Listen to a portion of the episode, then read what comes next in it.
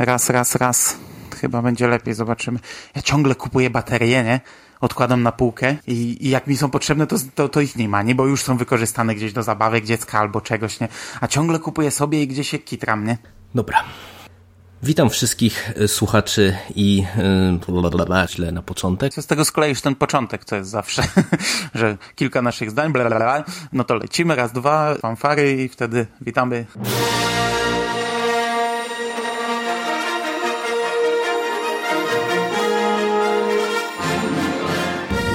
Już jest nowy magazyn Star Wars Comics. W każdym numerze jedna zamknięta opowieść komiksowa. Co dwa miesiące w kioskach i księgarniach.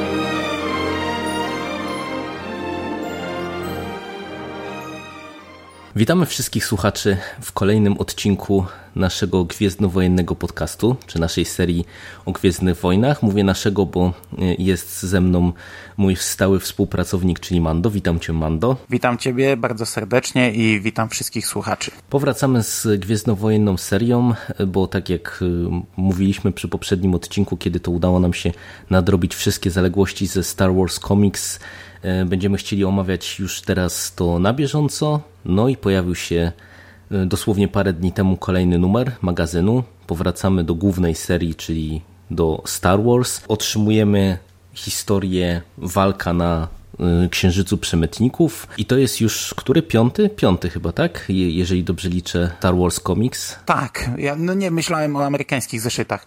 E, tak, jeżeli chodzi o polskie wydanie, to jest piąty numer już tego magazynu, tak. E, piąty numer i zanim przejdziemy do samej zawartości e, tego magazynu, to myślę, że warto by było mm, troszeczkę porozmawiać o całym tym magazynie, ponieważ e, w związku z mm, tym, że mieliśmy całkiem niedawno imprezę dużą komiksową, czyli komiksową Warszawę, mm, pojawiło się trochę informacji właśnie odnośnie przyszłości magazynu, bo my jeszcze z tego co pamiętam, chyba nawet w poprzednim podcaście, to żeśmy tak sobie troszeczkę dywagowali, e, w jakim kierunku to wszystko zmierza, e, czy teraz zaczniemy dostawać te poboczne wszystkie serie, czy przejdziemy na miesięcznik, czy, czy jak tutaj sobie Egmont będzie radził jakby z całym tym komiksowym uniwersum, e, no bo zaraz może się okazać tak, że my no, dogonimy bardzo szybko Amerykanów, no i powstanie pytanie właśnie, jak tutaj to rozegrać.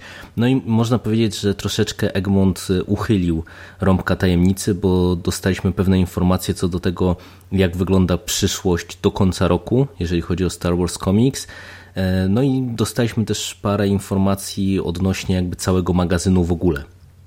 I Mando, może nie wiem, jakbyś przybliżył w paru zdaniach właśnie słuchaczom tego, czego żeśmy się dowiedzieli, bo w sumie to są chyba informacje takie trochę mieszane mm -hmm, z punktu mm -hmm. widzenia fanów. E, na komiksowej Warszawie odbyło się spotkanie z Tomaszem Kołodziejczakiem z wydawnictwa Egmont. Fanpage e, wielkiej kolekcji komiksów Marvela udostępnił nagranie audio z tego spotkania. Ja tego nagrania wtedy nie przesłuchałem, ono miało około 70 minut, teraz już jest niedostępne, ten plik już wygasł, a przeszukiwałem sobie YouTube'a i nie ma żadnej mm, relacji z tego wydarzenia, natomiast e, fanpage kolekcji Marvela dał taką esencję w tym wpisie, czyli wypunktował najważniejsze rzeczy, jakie zostały poruszone na tym spotkaniu, no i nas dotyczył jeden punkt, znaczy nas, no, aktualnej tematyki, czyli właśnie Gwiezdnych Wojen od Marvela.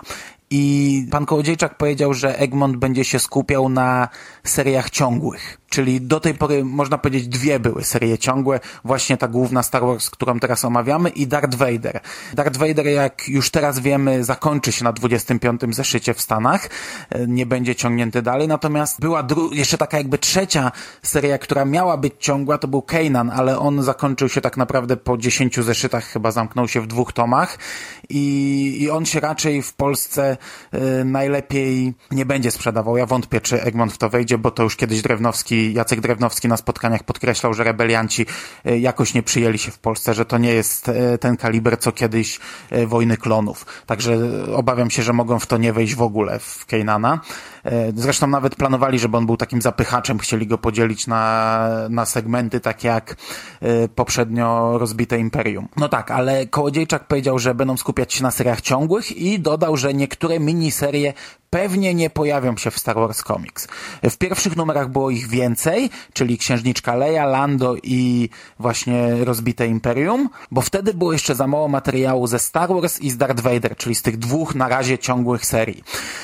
I ja tam skomentowałem ten post, ponieważ no, byłem na wielu spotkaniach z Jackiem Drewnowskim i zawsze było powtarzane, że mm, tego materiału jest za mało, że Star Wars Comics w Polsce nie może przejść na miesięcznik, bo w ciągu maksymalnie roku dogoniłby e, to, co mamy w Stanach, no i byłby problem. Dlatego jest, będzie na razie cały czas dwumiesięcznikiem. No a teraz nagle dowiadujemy się, że niektóre serie mogą się nie ukazać. I właśnie zadałem to pytanie, ale y, nie otrzymałem odpowiedzi, więc nie wchodziłem w to. I teraz przed samym nagraniem wszedłem. Okazało się, że dwa dni temu z fanpage'u właśnie Star Wars Comics oficjalnego dostałem tam odpowiedź. Y, ona brzmiała, że tak, tak było, ale wtedy mieliśmy za mało danych ze sprzedaży, a teraz y, mamy te dane i nie są rewelacyjne. Są na tyle nierewelacyjne, że zwiększając częstotliwość, czyli liczbę tytułów, ryzykujemy spadek pod kreskę. No, czyli wychodzi na to, że jednak magazyn nie sprzedaje się najlepiej. I no, tak jak odpowiedział nam najpewniej Jacek Drewnowski, nie wiem kto prowadzi ten fanpage Star Wars Comics, no, musi to iść w tym kierunku. Będziemy szli w stronę głównych serii, czyli najprawdopodobniej miniserie będą e, odpuszczane. Na chwilę obecną z tych miniserii, które nie ukazały się w Polsce, to jest Obi-Wan i Anakin. Na razie jedyny komiks, który rozgrywa się w okresie prequeli. Pięciozeszytówka to była. E, dwa tomy Kanana, które tak jak powiedziałem, no pewnie się nie ukażą i Czubaka, pięciozeszytowy Czubaka. No, w zapowiedziach jest już Han Solo, który z tego co wiem ma już opóźnienie, więc yy, nie wiadomo co z tym będzie. Chociaż Han Solo to akurat jest dość taka seria, która wydaje mi się, że mogliby w nią wejść, bo to jednak postać filmowa główna, tak, więc tak, pewnie nie zdziwię się, jak gdzieś tam to upchną. I, I jeszcze, jeszcze, jeszcze, no mamy one-shota tego Stripio, ponoć on jest w sumie bardzo dobry. To myślę, że gdzieś wepchną, że gdzieś to upchną, no i będziemy mieli na pewno komiksową adaptację Przebudzenia Mocy. Nie mam pojęcia, co z tym zrobią, czy będą wydawać, czy nie. I gdzieś tam y, przebąkiwało się o adaptacji, to chyba miała być tylko czterozeszytówka Łotra 1. Przy czym już teraz też wiadomo, że jakieś tam są opóźnienia. To nie zostało oficjalnie zapowiedziane, ale były sugestie, że ma wyjść tam w konkretnym terminie, a sklepy internetowe dały sygnał, że, że, że, że, że to nie wyjdzie w tym terminie, więc, więc nie wiadomo też, co z tym komiksem będzie. No a my ograniczamy się do głównych serii i w sumie drugim newsem, który też poruszyłeś, to całkiem nawet fajnym newsem jest, e, są zapowiedzi już do końca roku, bo Egmont e, jakiś czas temu udostępnił w internecie katalog wszystkich swoich komiksów, jakie zamierza wydać w tym roku.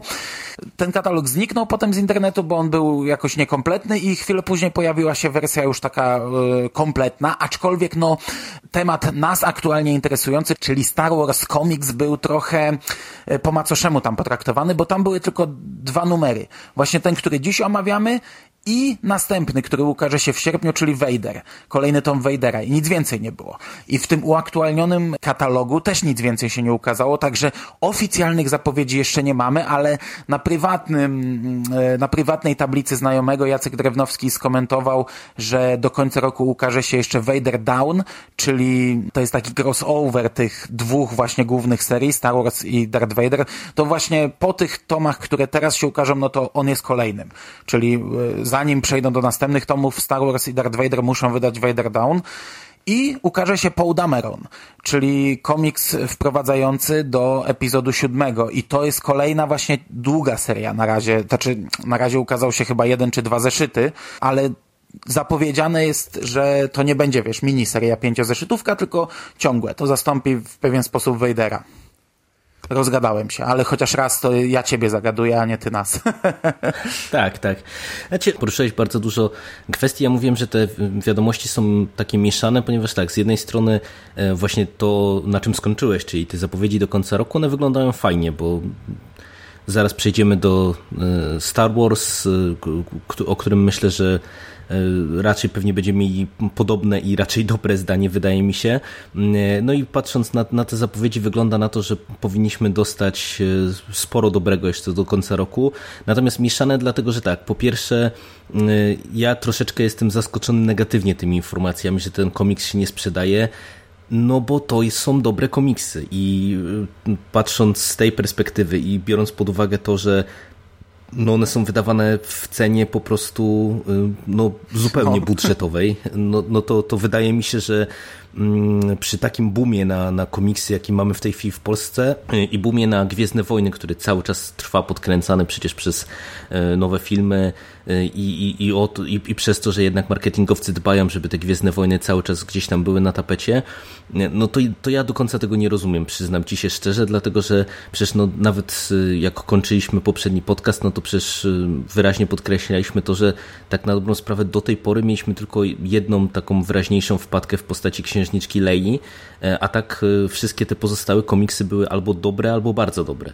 E, więc, więc po prostu jakby z tej perspektywy no trochę mnie to dziwi i trochę jakby jest to dla mnie niepokojące, no bo jednak stawia troszeczkę w dłuższym terminie pewnie pod znakiem zapytania jakby cały kierunek, no bo wydaje mi się, że Egmont już wielokrotnie też pokazywał, że no nic na siłę i pewnie może się, jeżeli to nadal się ta tendencja będzie utrzymywać i to się będzie sprzedawać słabo, to kto wie, czy to się nie skończy tak, że dociągną te główne serie do, do jakiegoś tam momentu, nie wiem, takiego Wejdera właśnie, no jeżeli się kończy w, w Stanach, to, to wiesz, na przykład ja sobie mogę tak wyobrazić, że do, dociągną do tego momentu i po prostu znowu Star Wars Comics umrze, czego pewnie jako fani byśmy sobie nie życzyli. A do tego e, te informacje też są mieszane, bo no mówię, ja jednak e, liczyłem na to, że, że te miniserie będziemy dostawać, bo no te serie główne one są fajne, natomiast właśnie przykład chociażby Lando e, pokazał, że je, jeżeli damy t, taką miniserię jakiemuś scenarzyście, który będzie wiedział, co zrobić z daną postacią, to możemy dostać bardzo fajną i interesującą historię.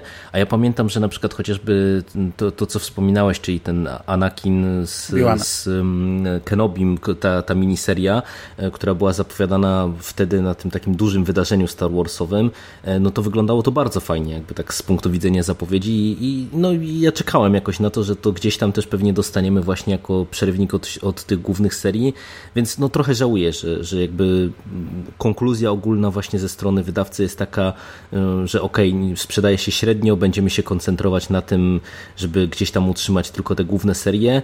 Widocznie za mało linkują naszych podcastów, y, które chwalą te serie i słuchacze czy, czy, czy czytelnicy jakby nie mają informacji, że to jest y, autentycznie dobra rzecz.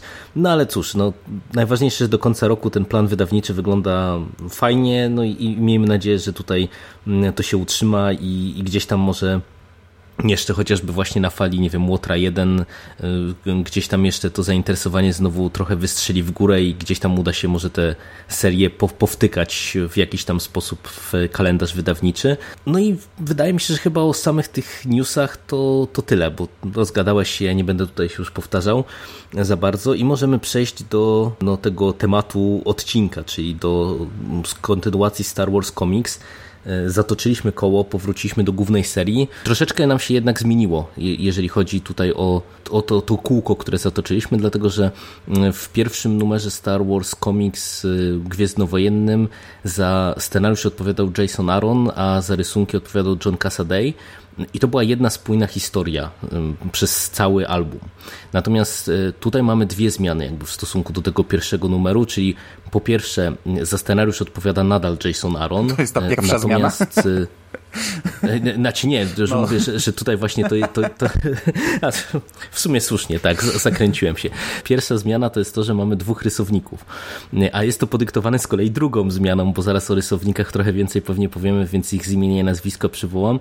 Natomiast jest to podyktowane tą drugą zmianą, dlatego że mamy tutaj taki podział, można powiedzieć trochę nietypowy, dlatego że mamy otwarcie w postaci takiego one-shota mm, o y, Benny Kenobim i przejście do tej takiej bardziej zamkniętej historii pięciozeszytowej i, i ta, jakby tak wygląda ten album. Przy czym, przy czym ten one shot on jest tak wmontowany, można powiedzieć, jakoś tam w tą główną historię. No ale, ale mówię, widać jednak to inne troszeczkę podejście niż w tym pierwszym, w pierwszym numerze. I myślę, że nie ma co przeciągać, tylko będziemy chyba, zaczniemy właśnie od tego one shota, myślę i będziemy szli już w kierunku tej głównej historii tego, jak tam ta kontynuacja wypada. Nie wiem, co tak, sądzisz? Tak. Ten one-shot nazywa się z dzienników Bena Kenobiego i jego akcja rozgrywa się dużo szybciej, dużo wcześniej, ponieważ mm, to jest y, nawet nie wiem ile dokładnie lat, no ale między Zemstą Sithów a Nową Nadzieją, gdzieś tak pewnie bliżej nawet Zemsty Sithów, bo mamy tam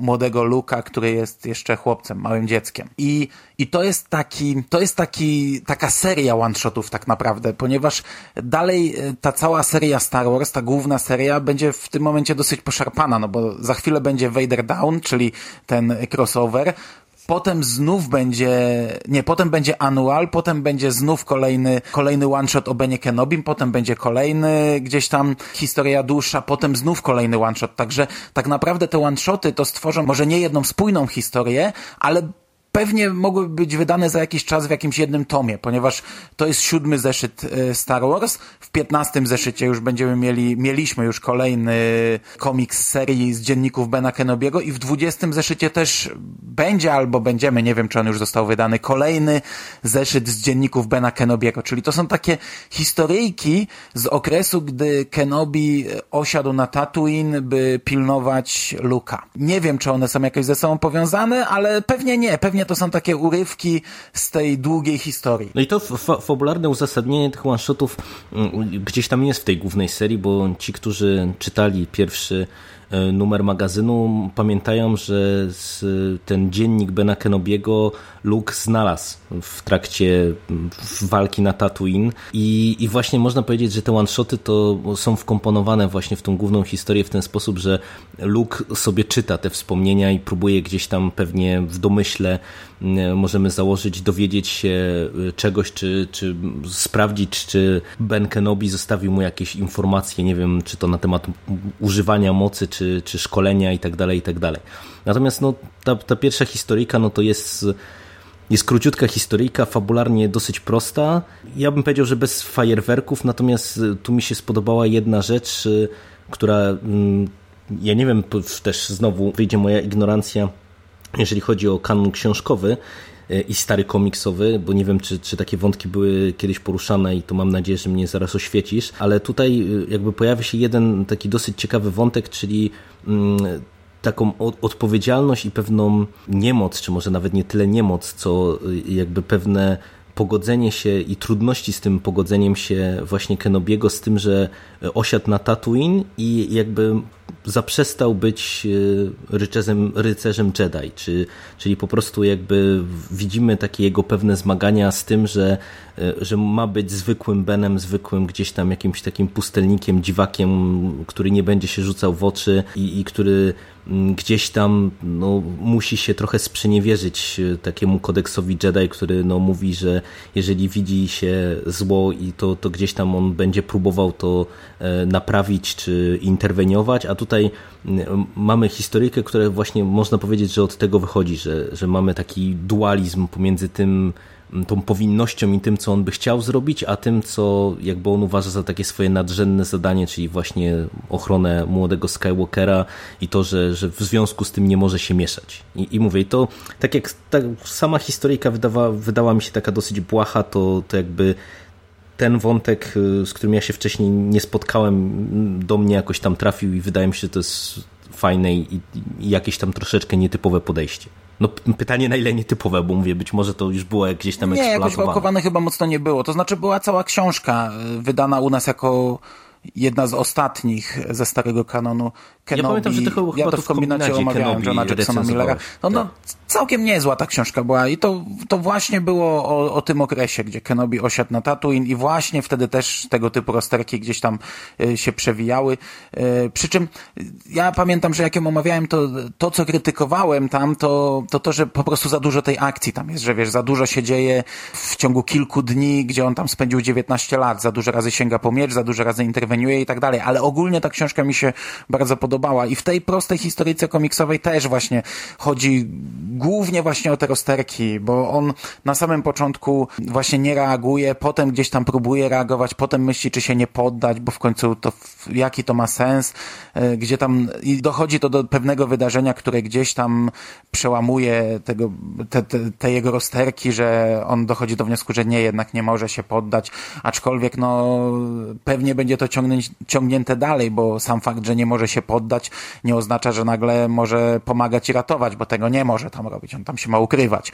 No i, i mnie ogólnie, mnie się podoba, yy, podoba mi się ten okres, podoba mi się umieszczanie historii w tym okresie, chociaż też bez przesady, nie? Żeby, żeby nie za mocno wyeksploatować to, bo tam jednak musi być cisza i spokój. I ja bym nawet cholernie chciał, żeby powstał film y, z McGregorem nawet odpowiednio starszym w tym okresie, bo to by mogło być takie fajne westernowe. Fakt, że kompletnie nie gwiezdnowojenne, więc na pewno nie powstanie taki film, bo to by nie był y, hit kinowy, wiesz, strzelanki, wybuchy, no, rozpierducha. No, wiem, wiem o co ci chodzi, y, tak. Ale mnie się ten komiks ogólnie podobał. No, przy czym dokładnie przyklepuję, zgadzam się dokładnie, no to nie jest, to jest po prostu taka tam historyjka z czymś głębszym, ale króciutka, e, fajna. E, no i, i tak jak e, tam ja zacząłem mówić o tych zmianach, niezmianach, za scenariusz odpowiada Jason Aaron, czyli bez zmian główny scenarzysta tego komiksu, o którym ja tylko może to powiem, ponieważ Aaron jako scenarzysta na topie od, e, naszego ostatniego spotkania właśnie z Gwiezdnymi Wojnami. E, on się doczekał kilku e, swoich takich dosyć ciekawych tytułów na polskim rynku, bo pojawiła się jego seria Scalp w końcu, którą Egmont zaczął wydawać i też tak jak z Vampirem, jak ruszyli z kopyta, to, to w zasadzie już jesteśmy po dwóch pełnych albumach takich opasłych, a to jest kapitalna seria i choć tu podcast Gwiezdnowojenny, to myślę, że wypadałoby ją polecić tym bardziej, że ona uchodzi za taki mm, trochę w klimacie Banshee komiks y, serialu też, o którym mam nadzieję, że za niedługo usiądziemy. I wydano też taką jego miniserię Ludzie Gniewu, którą ja też bardzo, bardzo polecam, to chyba Mucha, jeżeli ja dobrze pamiętam, z kolei wydała, także Arona w Polsce w tej chwili no, dosyć sporo można poczytać. E, no i e, zmienił się rysownik i w tym przypadku to jest e, Simone Biacci, Włoch. Jak Ci się te rysunki podobały? Bo one są jakby od tego pierwszego numeru y, no faktycznie się wyróżniają. One są takie troszeczkę jakby bardziej rozmyte, takie są malarskie. Inna, ale inna jest też historia. One doskonale pasują do tej historii. Właśnie takie brudniejsze, takie trochę bardziej toporne, kolorystycznie też dopasowane idealnie do, do tej historii. Mnie się to podobało, to pasuje do, do tego one-shota i w takim wypadku nawet według mnie bardzo dobrze, że jest inny rysownik, bo, bo, to, bo to ma być inna historia. No. No to tak jak żeśmy kiedyś, no w sumie to nie my, bo tak i ty i ja osobno trochę nagrywaliśmy o tym, jak mówiliśmy przy okazji amerykańskiego wampira, że to jest w sumie niezłe, jeżeli przy tych one-shotach jest inny rysownik niż przy głównej serii, no bo to się zawsze gdzieś tam jakoś wyróżnia. Także no też ja jestem zadowolony z tego, jak, jak te rysunki tutaj wyglądają. No i e, przechodząc płynnie do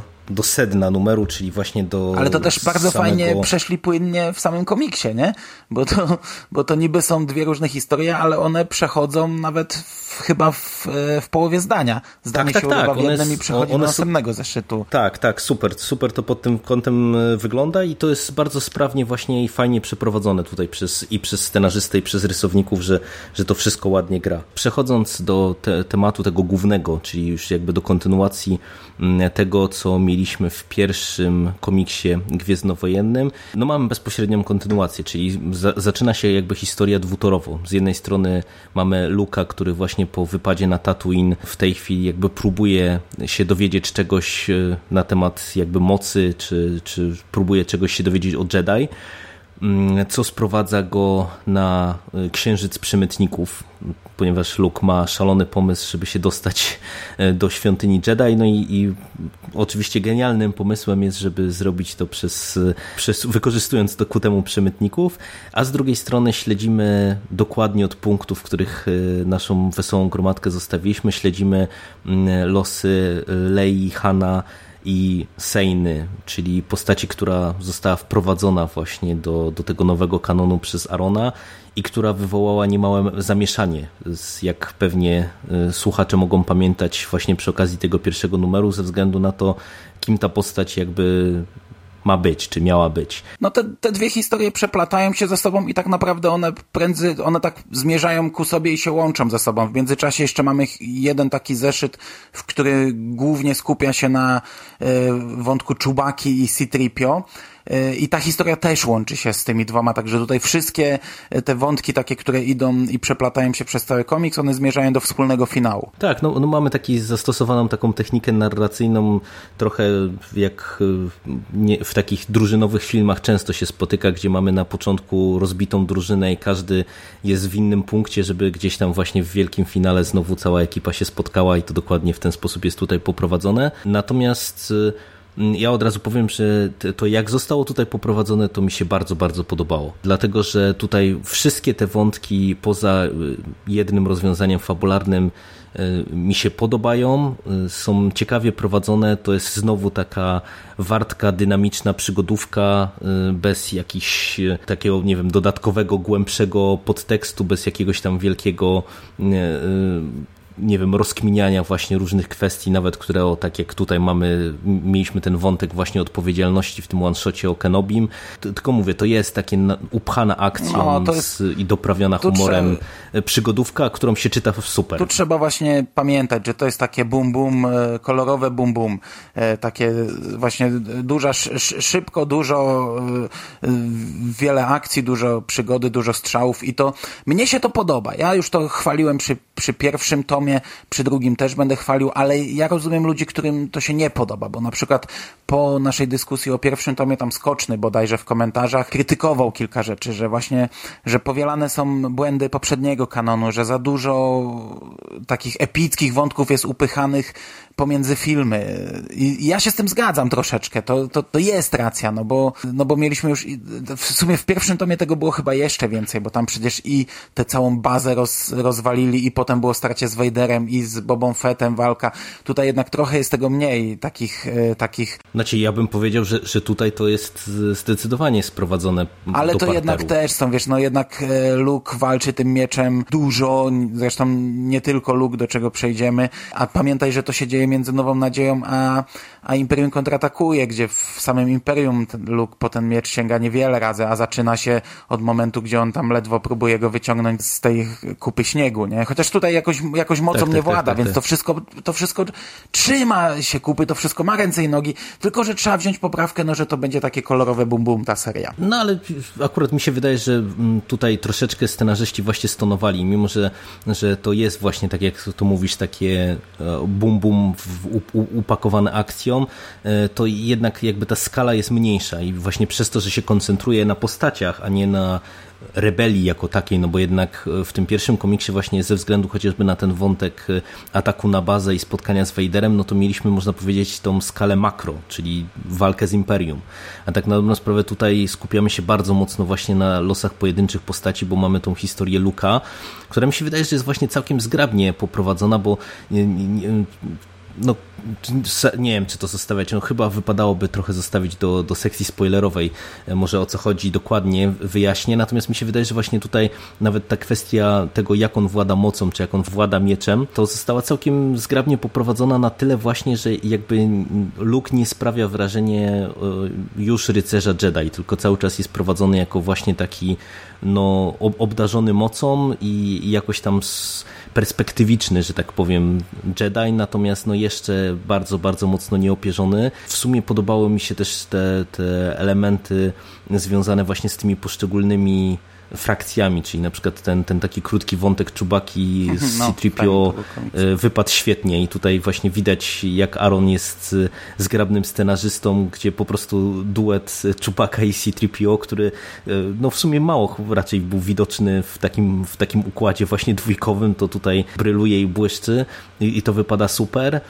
No i mamy wątek właśnie Lei, Hanna i Sejny, i to jest wątek, który mi się w sumie chyba najmniej podoba i, i właśnie tutaj ja mam troszeczkę uwag co, co do tego, jak, jak to zostało też spuentowane, ale to już musimy zostawić to znaczy, raczej moim zdaniem już od na, początku na było wiadomo o co chodzi, to było wielkie halo, wielki szum, burza w szklance no, wody. Ale to my no i przez cały ten komiks tak naprawdę tak, też od tak. początku wiesz o co chodzi, y, ale musisz czekać, aż ci to w ostatnim zeszycie wyjaśnią. No to tak to, to, to, to działa. No i, i właśnie... Wiesz, wielka, wielki szum w internecie, wielkie tam rwanie szat, o Jezus Maria, co oni robią. Do dokładnie to samo masz teraz z Kapitanem Ameryką i, i z tym tam wielkim cliffhangerem tak, na, hydrą, na no. koniec no. zeszytu, a to wszystko też pewnie się rozwiąże w taki sposób. No tak to działa, nie? Ale, ale, ale no, troszeczkę ja mam o to pretensje jednak do, do twórców, bo mam wrażenie, że to jest zbyt tani chwyt, dlatego że ja pamiętam, że my żeśmy na koniec tego pierwszego podcastu właśnie już tak dywagowali, że no pewnie się to skończy w taki taki sposób. No i jak się skończyło, dokładnie się skończyło tak jak mówiliśmy,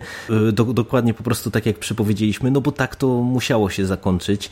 Y, i po prostu właśnie tutaj też to prowadzenie tego wątku jakby właśnie przez prawie cały album właśnie w taki sposób, że tak jak mówisz, no czytelnik od początku się domyśla już, y, czym to się skończy, ale i tak jakby jest to takie sztuczne budowanie napięcia. No nie, mi to troszeczkę nie grało i mówię, ja to uważam mimo wszystko za tani chwyt, chociaż parę tutaj scen y, w tym wątku było fajnych, y, pomiędzy na przykład Leją a Sejną i, i tak wizualnie fajnie to było rozegrane i pod kątem dialogów to, no, to, no, to było no, parę tanie, rzeczy ale, było tutaj ale, bardzo, ale bardzo przyjemnych. To znaczy ja ogólnie, jeżeli chodzi o te, ten komiks, w ogóle o te dwie główne serie, to okej, okay, no ten, ta seria Star Wars, no to jest taka, taka szybka, fajna przygodówka, taka bez żadnych głębszych problemów, ale ja i tak tutaj e, może się mylę, może czas zweryfikuje, jak doczytam dalej, ale i tak ja tutaj widzę e, fajne rzeczy, bo tak jak się mówi, tak jak właśnie poruszyłem ten wątek, że to jest troszeczkę powielanie błędów starego kanonu, czyli upychanie za dużo tych jakichś tam wielkich walk i, i, i ważnych rzeczy w tym okresie, ale wydaje mi się, że to jednak jest lepiej robione, bo e, tam to były urwane historie, to były pojedyncze historie, tutaj gdzieś z kimś walczą, tutaj z kimś walczą, tutaj, a tu jednak mam wrażenie, że, że jest to budowane z głową, że gdzieś tutaj się pojawia chociażby ten cały mistrz areny bodajże, wydaje mi się, że to będzie świetna tak, postać, mam wrażenie, że on jeszcze odegra swoje, mam nadzieję. Do tego, wiesz, nawet ten, ten Luke, taki błądzący w cieniu, błądzący we mgle i szukający i, i, i próbujący dotrzeć do świątyni Jedi, gdzie ktoś mu w końcu tłumaczy te stare, ale tam jest, tam jest teraz pałac imperialny, nie? jak, jak, jak takiemu tak, dziecku tak, tak, tak. głupiemu. I, i te postacie, które pojawiają się w, w komiksie Vader i ja mam wrażenie, że, że, że to jednak gdzieś tutaj jest zamysł, żeby to nie było tylko, wiesz, każdy komiks to kolejna przygoda i kolejne wybuchy i strzały, tylko że gdzieś tu się buduje historia, mam wrażenie. Pójna. No i, i to jest jedna, a druga kwestia to jest to, że naprawdę bardzo podoba mi się, jak są wprowadzane tutaj właśnie nowe postaci albo postaci, które gdzieś tam znamy z filmów, no bo to wypada fajnie. Przecież tutaj mamy właśnie tego mistrza Areny, o którym ty wspomniałeś, tego Krilla, który no faktycznie jest bardzo fajną postacią i, i która tutaj jest tak na dobrą sprawę tylko zarysowana i właśnie aż by się chciało dowiedzieć o, o tej postaci właśnie czegoś więcej. E, mamy tego łowcę nagród Dengara, tak? Y, jeżeli mm-hmm. dobrze pamiętam, tak jak ty mi przed chwilą przypominałeś, y, który gdzieś tam nawet się pojawia na ułamki sekund w filmach i też gdzieś tam się przez y, chyba kanon przewija i też tutaj jakąś marulkę do odegrania. Przecież mamy tego Hata właśnie z Księżyca Przemytników, który też jest w sumie fajną postacią i na przykład ta cała jego taka obsesja związana z Jedi, no, no to, to, to gdzieś tam fajnie wypada i i po prostu te, te postaci są ciekawe i to jest, to jest fajne, że i tutaj, i w tej serii, ale też właśnie to, co wspomniałeś chociażby w Vaderze, że mamy wprowadzane nowe jakieś tam postaci, które, które nie są tylko jakimś takim zapychaczem albo takim sidekickiem po prostu do naszych głównych bohaterów, tylko widać, że one są pisane w ten sposób, żeby same w sobie były interesujące. Bo, bo tak to trochę wypada, że, że widać nawet, że jeżeli ktoś tam jest po tej złej stronie, mówiąc najkrócej, jeżeli chodzi o tych bohaterów, no to widać że oni gdzieś tam mają funkcję do spełnienia i, i, i są pisani nie tylko właśnie jako taki, brzydko tu, tu powiem, ale taki marvelowski zły z filmów, którym tylko chodzi chmurny i, i ma być chłopcem do bicia właśnie dla naszych bohaterów, tylko mówię, ma coś, ma coś dać od siebie do, do całej tej historii. I właśnie jeżeli te dwie rzeczy połączymy, czyli właśnie to, że mamy właśnie fajne postaci i fajnie zrobiony świat z tym, co właśnie wspominasz, że ta historia jest jakoś zmyślnie budowana, no to, to naprawdę widać, że to się zaczynało w ładną całość układać. Ja na przykład właśnie jestem bardzo ciekaw teraz tego crossovera właśnie pomiędzy no, tymi dwoma głównymi seriami, czyli Vaderem i, i Gwiezdnymi Wojnami, bo to myślę, że to może być coś fajnego, czy może wyjść coś fajnego właśnie z tego zderzenia tych dwóch światów, tych dwóch serii. Okej, okay. to zanim przejdziemy do spoilerów, to jeszcze dwa zdania o warstwie wizualnej, bo tak jak wspomniałeś, tutaj też zmienił się rysownik i zmienił się kolorysta i rysownikiem jest Stuart Imonen. E, w Polsce jeżeli znany, dobrze czytam jego nazwisko. znany może być aktualnie z wydawanej jednej z serii Marvel Now, czyli All New X-Men. Między innymi oczywiście z tego, no i on ale, rysował, ale w tej chwili to wychodzi. Tak, i, i on rysował coś, co niedawno było w wielkiej kolekcji komiksów Marvela chyba, czyli taki Avengerowski, e, chyba Avengerowską miniserię Fear Itself. To też on chyba odpowiadał właśnie w całości za, za rysunki do tej serii, z tego co gdzieś tam wyszukałem. Ja pamiętam jak ogłosili, y, nas, bo to dawno temu już było, y, bo mnie się okrutnie podobał pierwszy tom e, pod tym kątem wizualnym. I pamiętam, że jak ogłosili, że już tam od następnego, od, od, od ósmego numeru zmienia się rysownik, to tak trochę byłem niepocieszony tym.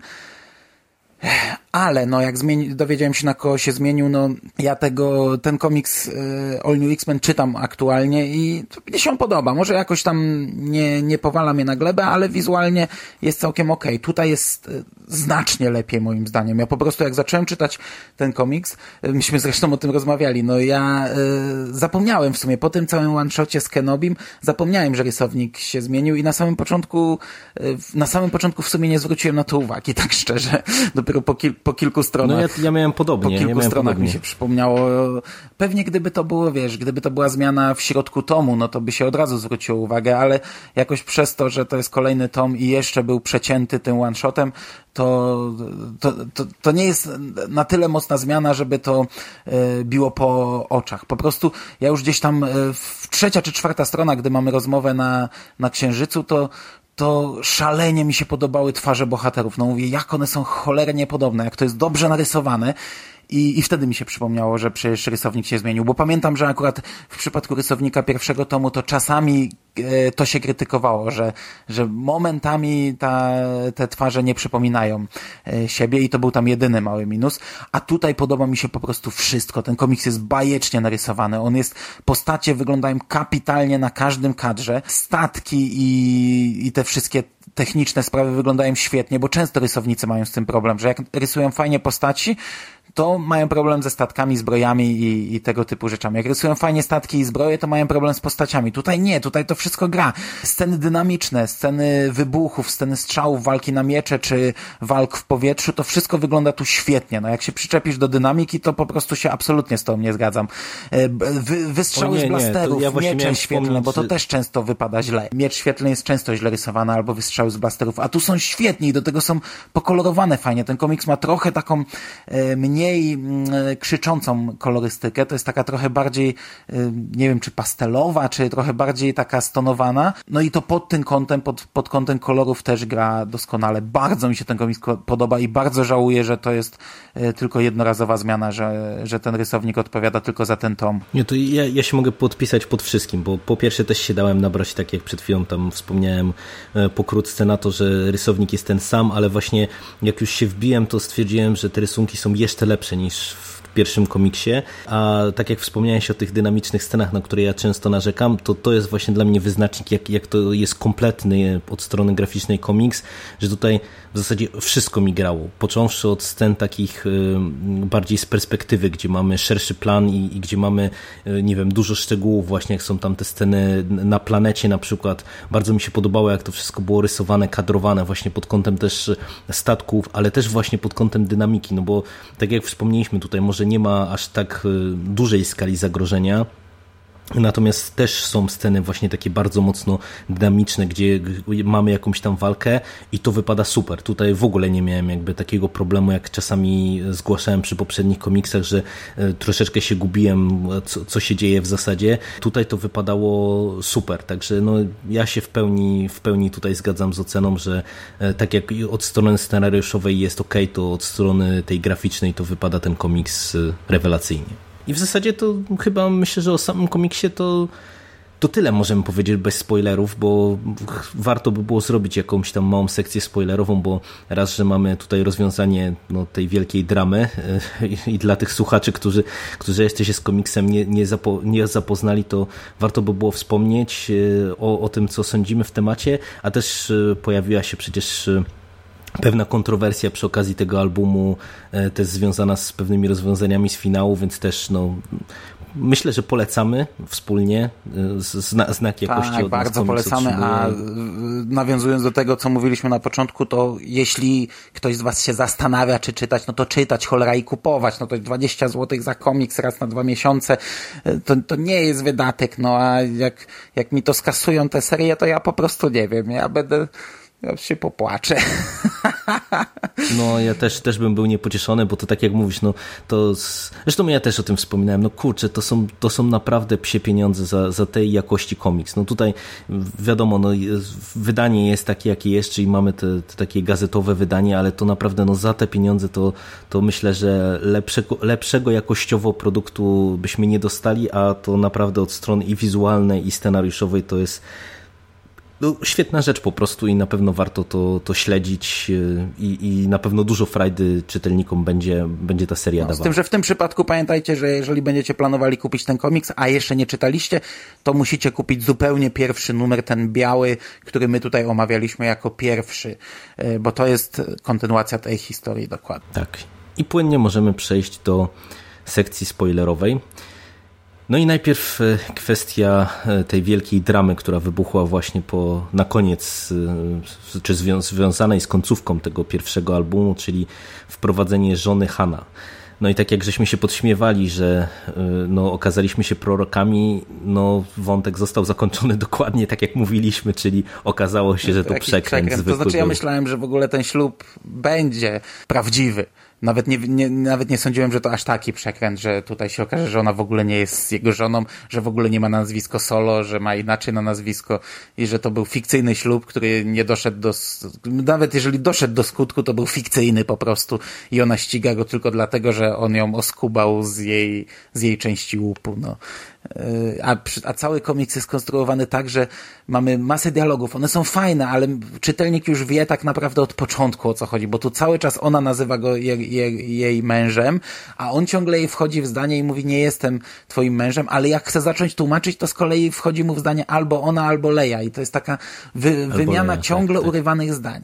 I ona ciągle mówi, twoja żona coś, to nie moja żona i on zaczyna już mówić, ale już mu coś przerywa, albo ktoś do nich strzela. I, i to jest fajne, tylko że to jest kurcze ciągnięte przez cały komiks, naprawdę. Tam większość ich dialogów właśnie jest oparta na tej zasadzie. A jeśli on już zaczyna tłumaczyć coś, to się okazuje, że ona go nie słyszy albo coś takiego. Znaczy, i, i, ta, ja mam największe pretensje jakby do samego tego rozwiązania, bo właśnie jak wyszło na to, co żeśmy podejrzewali, to ja stwierdziłem, że to mówię, jakby zbyt tania zagrywka wydaje mi się opatrzona po prostu właśnie na szum internetowy e, i nic ponadto. Natomiast jakby dwie rzeczy. Po pierwsze, wydaje mi się, że Sejna jest fajną postacią i, i kto wie, czy ona tam nie będzie gdzieś tam jeszcze wykorzystana, no bo, bo, bo po prostu ona jest sympatyczna. No, powiedziała, że nie, odje, że nie odleci, póki nie odzyska długu, nie?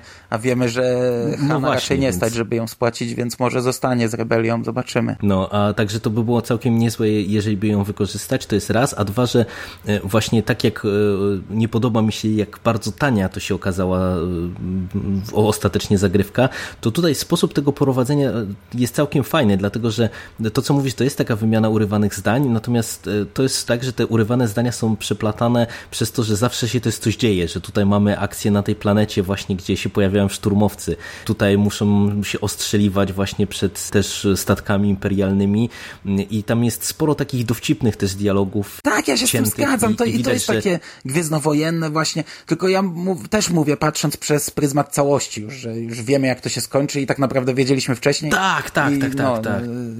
Ja nawet, jeżeli ta bohaterka zostanie, to mam nadzieję, że oni jeszcze będą sobie dogryzać i, i ten trójkąt Leia, Han, y, Sejna będzie jeszcze, jeszcze nie raz y, podobne wymiany zdań prowadził. Gdzieś tam nawet y, przy okazji sobie jakieś tam docinki rzucali, bo tam to, to było fajne, to była chemia, to było, miało fajny rytm, tylko po prostu no, wiedzieliśmy do czego to zmierza, a oni to traktowali jak jakieś, nie wiem, no, wielką, wielką tajemnicę, tajemnicę, która nas no, zaskoczy no, na koniec. Dokładnie tak. Ale też nie chciałbym się ograniczyć jakby w tej sekcji spoilerowej tylko właśnie do, do tej wielkiej dramy, tylko jakby nawiązać jeszcze do paru kwestii w, związanych z tym, co dostajemy w tym albumie i to, co zacząłem mówić w sekcji tej bezspoilerowej na temat Luka, bo mi się podobało to, jak on tutaj jest właśnie prowadzony, bo nie wiem, czy zwróciłeś też na to uwagę, ale tak na dobrą sprawę właśnie nigdy Luke władając tym mieczem można powiedzieć w pełni autonomicznie i samodzielnie nie wychodzi z opresji.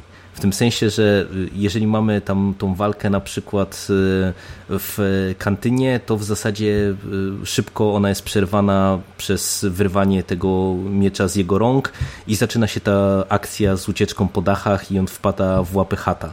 Czyli nie mamy jakby takiej sytuacji właśnie, że wiesz, że rozwala wszystkich w knajpie, tak jak to później Czubaka zrobił trochę w jego imieniu.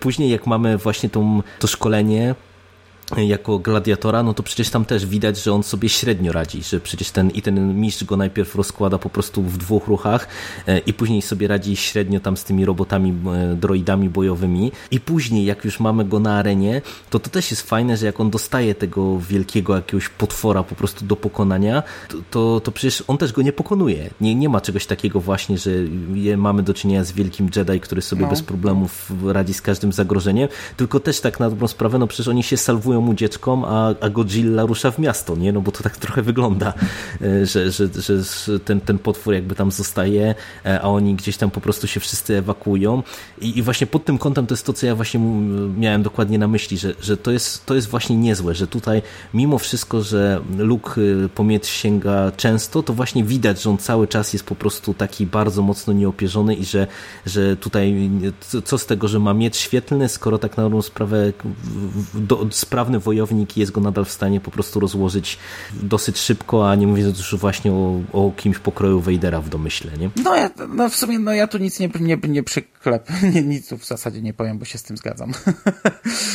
no. Ale miałeś no jeszcze no to, do czegoś to, czepiać, czy nie? E, tak, no, znaczy, bo chciałem jeszcze na, nawiązać trochę do tego, że w finale jakby pojawiła się taka nowa kontrowersja, bo y, nie, ty, ja nie, nie wiem, czy ty mi nawet też tego nie wrzucałaś, jak to się pojawiło w Stanach, czyli jak jest ta scena, gdzie cała czwórka głównych bohaterów y, jest zaprezentowana i walczy mieczami świetnymi. I to też ja pamiętam, że to się zrobiła znowu taka trochę lekka drama, że ale jak to wszyscy z mieczami i w ogóle, że bez sensu, bo to tam nie powinni umieć nimi się posługiwać i tak dalej, i tak dalej. Ale w sumie też tak jak zostało tutaj to ostatecznie poprowadzone. Ale nowy kanon właśnie, bo... nowy kanon chyba przekreśla to, bo w starym kanonie szkolenie walki mieczem świetlnym było jednym tam z umiejętności Jedi.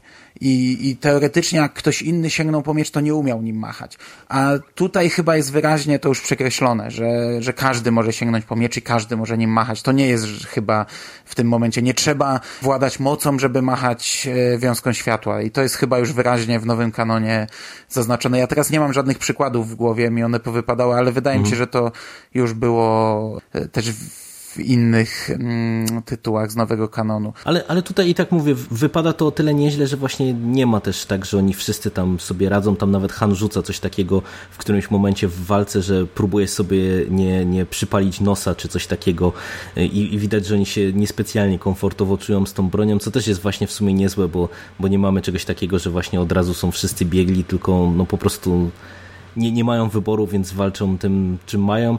Co, co, co w sumie mówię, jest, jest niezłym zabiegiem, bo widać, że to też jakby no pod tym kątem to można powiedzieć, że ja nie wiem, czy to jest e, nie aż nazbyt produkt, nie? Że widać, że to jest taka rzecz wrzucona, żeby trochę podgrzać fanów i mhm. później szybko znaczy, jakby Ja rozumiem, że to może się komuś nie podobać, ale z drugiej strony, kurde, no czemu, czemu nie? Czemu no, no jakby, gdyby istniały w normalnym świecie miecze świetlne, no to co, nie włączyłbyś i nie pomachał se? No to ci raczej byś sobie nie obciął głowy, nie? Jakbyś, nie wiem, no tak mi się wydaje, że to nie jest no, rzecz się, przeznaczona tylko dla magików, którzy umieją władać mocą. Może tam kiedyś tak było, no ale przecież teraz zakon nie istnieje, w zasadzie Jedi nie istnieją, to się wszystko rodzi na nowo, no i, i, i te świętości też są jakoś tam kalane, no, no, no, no także taki Jabba, taki, taki Hatse robi naszyjnik z mieczy świetlnych yy, i, i co, no i każdy może ten miecz włączyć i w niego wbić, to nie trzeba być, władać mocą, żeby to robić, nie? Chociaż akurat nosić na szyi sprawne miecze świetlne, to też e, trzeba mieć nie po kolei. Tak, tak, tak, tak, tak.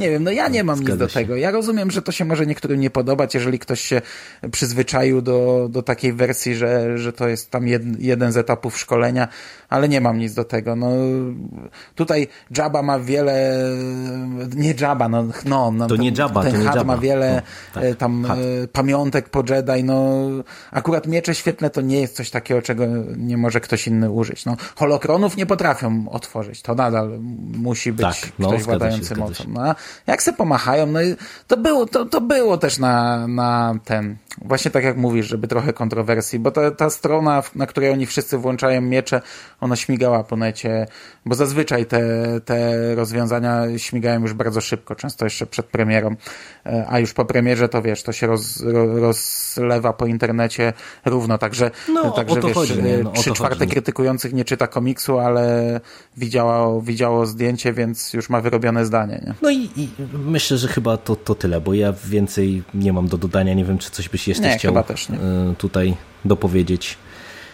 No to i jeszcze raz, chociaż już jak jesteśmy w sekcji spoilerowej, to, to chyba już wszyscy, którzy nas słuchają, to czytali, ale jeżeli ktoś się zdecydował po prostu posłuchać, co mamy do powiedzenia, to jeszcze raz wypada powiedzieć, że polecamy komiks, no i, i obiecujemy, że jak dobrze pójdzie, to już w sierpniu no, czekamy e, do powrócimy do sierpnia. kolejnej serii. Czekamy do 9 tak. sierpnia i do, drugi tom Vadera. Do Vadera. No i też ostrzymy, ostrzymy tak jest, sobie tak zęby. Jest. No to dzięki, dzięki Ci Mando jeszcze raz za nagranie. Ja dziękuję, bardzo się cieszę, że udało się to nagrać na bieżąco. Jeden z moich ulubionych podcastów.